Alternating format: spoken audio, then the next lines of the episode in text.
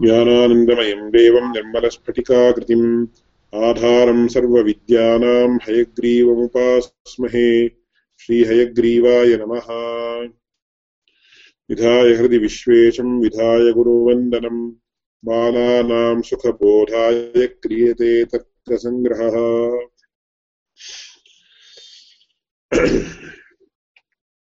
तत्र एतत्त्रिविधकारणमध्ये यदसाधारणं कारणं तदेव करणम् तत्र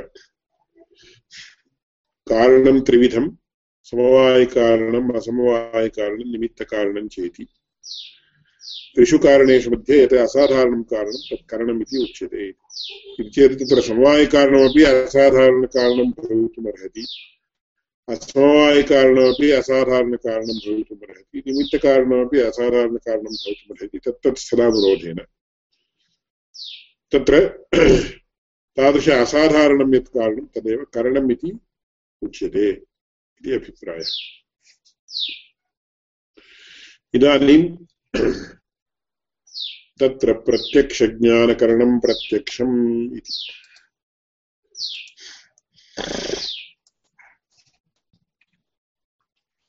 तदेतत्त्रिविधकारणमध्ये रसाधारणं कारणं तदेव करणम् इति।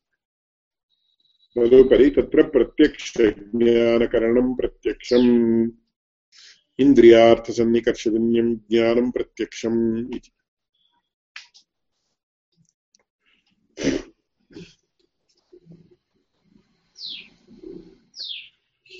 तत्र प्रत्यक्षज्ञानकरणं प्रत्यक्षम् इति उच्यते किल कथम् इति प्रश्नः। इदानीं यथार्थानुभवः चतुर्विधः प्रत्यक्षम् अनुमितिः, उपमितिः, शाब्दबोधः इति। चत्वारः यथार्थानुभवः। तत्र तत् करणमपि चतुर्विधं प्रत्यक्षानुमानोपमानशब्दभेदादिति पूर्वम्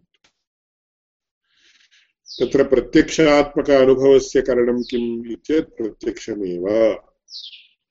इति चेत् तस्य प्रत्यक्षस्य अस्य प्रत्यक्षस्य च व्यत्यासः अस्ति कन्फ्यूषन् कन्फ्यूषन् कारणं. तत् किमिति वदामि.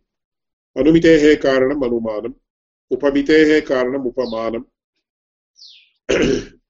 शाब्दबोधः इति शाब्दानुभवस्य कारणं शब्दः।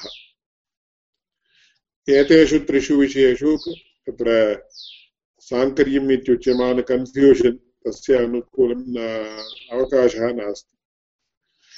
कुतः इति चेत् तत्र अनुमितिः अनुमानम्, उपमितिः उपमानम् इत्यत्र मितिः इति शब्दः वर्तते। मितिः इति तत्र प्रमितिः इति उच्यते खलु। प्रमितिः प्रमा इत्यादिशब्दैः उच्यते, तदेव मितिः इति। प्रमितिः चेत् यथार्थं ज्ञानम् इति। तस्य कारणं किं? प्रमाणम्। इति तत्र मा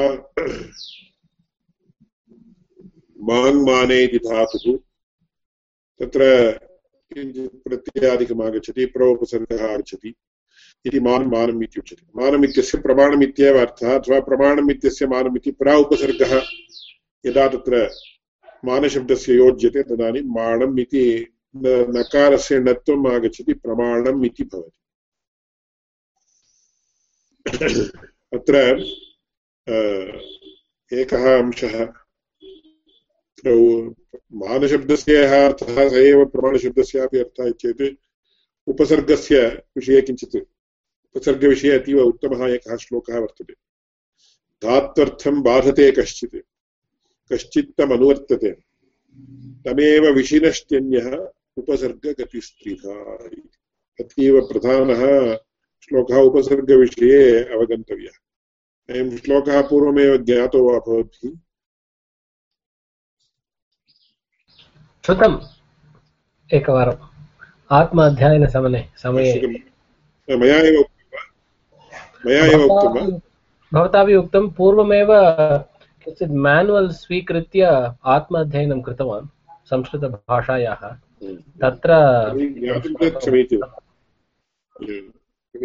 तत्र धातुर्थम् अयं श्लोकः प्रसिद्धः वर्तते यत् तत्र उपसर्गेण धात्वर्थः बलादन्यत्र नीयते प्रहाराहार अयं श्लोकः श्रुतः। अयं श्लोकः। बहुभिः अयं श्लोकः प्रसिद्धः। अस्य श्लोकस्यापि तत्र तत्र उल्लेखः बहुषु स्थलेषु वर्तते। धात्वर्थं कुत चेत् उपसर्गेण धात्वर्थः पदारण्यत्र नीयते इति श्लोकेन किं बोध्यते चेत् नियमेन अपसर्गप्रयोगे धात्वर्थः व्यत्यस्तो भवति इति द्योत्यते परन्तु तथा नास्ति। तत्र धात्वर्थं बाधते, कश्चित् इति प्रहाराहारसंहारविहारपरिहारवते इत्यादौ धात्वर्थः बाध्यते। अन्यत्र तु किं भवति इति चेत् तत्र वर्तते कश्चित्, कश्चित्तमनुवर्तते इति। कश्चित्तमनुवर्तते इति धात्वर्थ अनुवृत्तिरेव क्रियते उपसर्गेण इति। ततः परं तमेव विशिनष्ट्यन्यः इति।